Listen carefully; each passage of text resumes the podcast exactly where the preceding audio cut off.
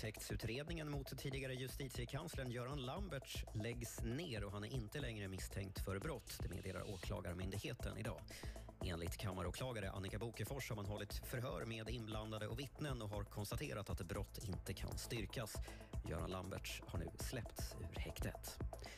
Och vi ska avsluta med att den amerikanska varuhuskedjan Costco ska öppna i Sverige. Costco räknas som USAs näst största varuhuskedja efter Walmart och säljer framförallt livsmedel men också saker som vitvaror, trädgårdsredskap och kläder.